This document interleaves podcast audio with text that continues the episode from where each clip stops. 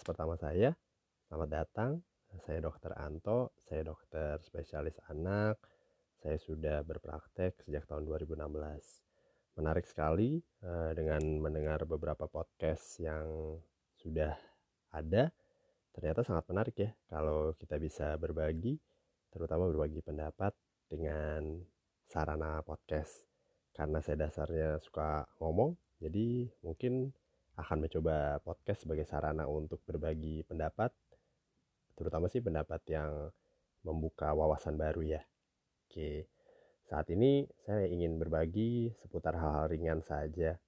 Contohnya seputar imunisasi, harian saja sih yang biasa ada dalam praktek sehari-hari. Seringkali tuh kalau orang tua datang ke praktek dokter anak, dokter kita mau vaksin nih. Lalu saya tanya vaksin apa bu? Terserah dokter. Saya pokoknya sesuai jadwal deh tuh. Hal yang menarik ya saat kita ke layanan kesehatan lalu kita tidak tahu apa yang akan diberikan dan menyerahkan sepenuhnya ke dokter sebetulnya sih agak aneh. Kenapa? Karena kan eh, kita manusia biasa ya bisa aja kita salah. Jadi sangat penting sekali kalau orang tua juga tahu dan paham apa yang akan diberikan atau vaksin apa yang akan diberikan. Nah, hal yang sering kali membuat bingung saat di konsultasi itu contohnya vaksin polio. Kalau di jadwal vaksinasi, vaksinasi polio itu ada dua jenis. Ada yang tetes atau kita sebutnya OPV, oral polio vaccine. Itu dia di dua tetes saja.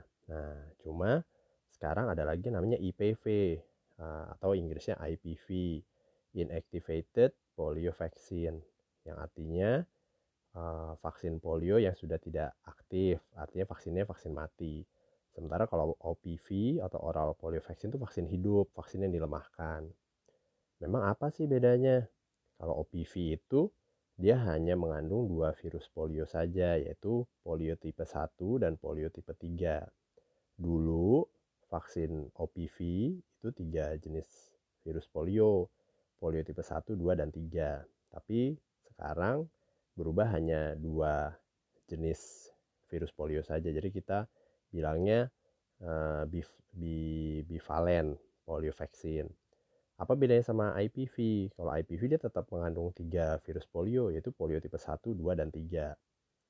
Nah, umumnya kalau OPV itu itu bergandengan dengan vaksin pentabio. Pentabio itu isinya DPT, difteri pertussis tetanus, eh, hepatitis B atau HB, dan HIB atau hemophilus influenza. Itu yang vaksin dibuat oleh Bio Farma, produk Indonesia. Sementara kalau IPV atau IPV umumnya bergandengan dengan vaksin-vaksin yang diimpor. Nah, vaksin impor umumnya DPT-nya adalah D difteri, P-nya itu aseluler pertusis. Jadi kita bilangnya DTAP, difteri, tetanus, aseluler pertusis. Nah, dengan kelebihannya adalah resiko demamnya lebih rendah dibandingkan DPT yang dari pentabio. Tapi itu bukan berarti tidak, pasti tidak demam, tetap ada kemungkinan demamnya, demamnya cuma lebih rendah saja. Nah, jadi uh, memang OPV sama IPV itu tergantung dengan DPT apa yang akan diberikan.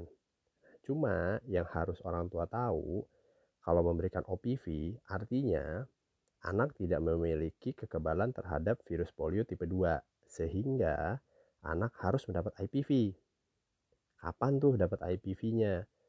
IPV kalau pakai jadwal imunisasi yang ada di Indonesia diberikan bersamaan dengan DPT yang ketiga, yaitu kalau pakai pentabio diberikan di usia 4 bulan.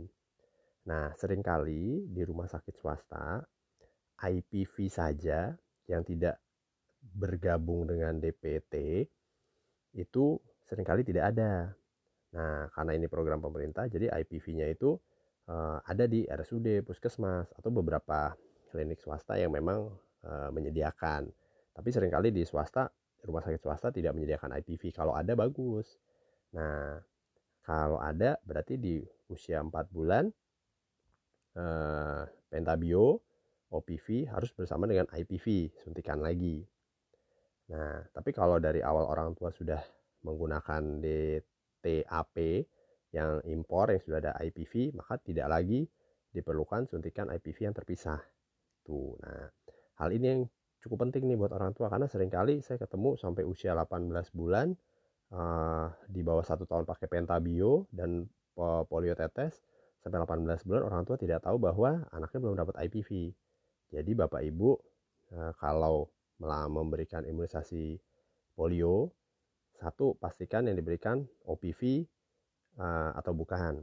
Kalau diberikan OPV yang ditetes, pastikan mem tetap memberikan vaksin yang IPV yang polio suntik dan sebisa mungkin jangan terlambat. Artinya sejak usia 4 bulan sudah dipikirkan kapan akan memberikan IPV. Oke, nah, ini sesi ini saya tutup dulu biar nggak terlalu uh, penuh ya kepalanya. Jadi uh, pesan yang akan di, harus dibawa pulang adalah satu, kalau memberikan vaksin polio tanyakan uh, atau diskusikan dan putuskan akan memberikan OPV atau yang impor yang bersama dengan DTAP. Kalau memberikan pentabio dan OPV, pastikan di usia 4 bulan dapat IPV atau IPV. Oke, sampai jumpa lagi ya.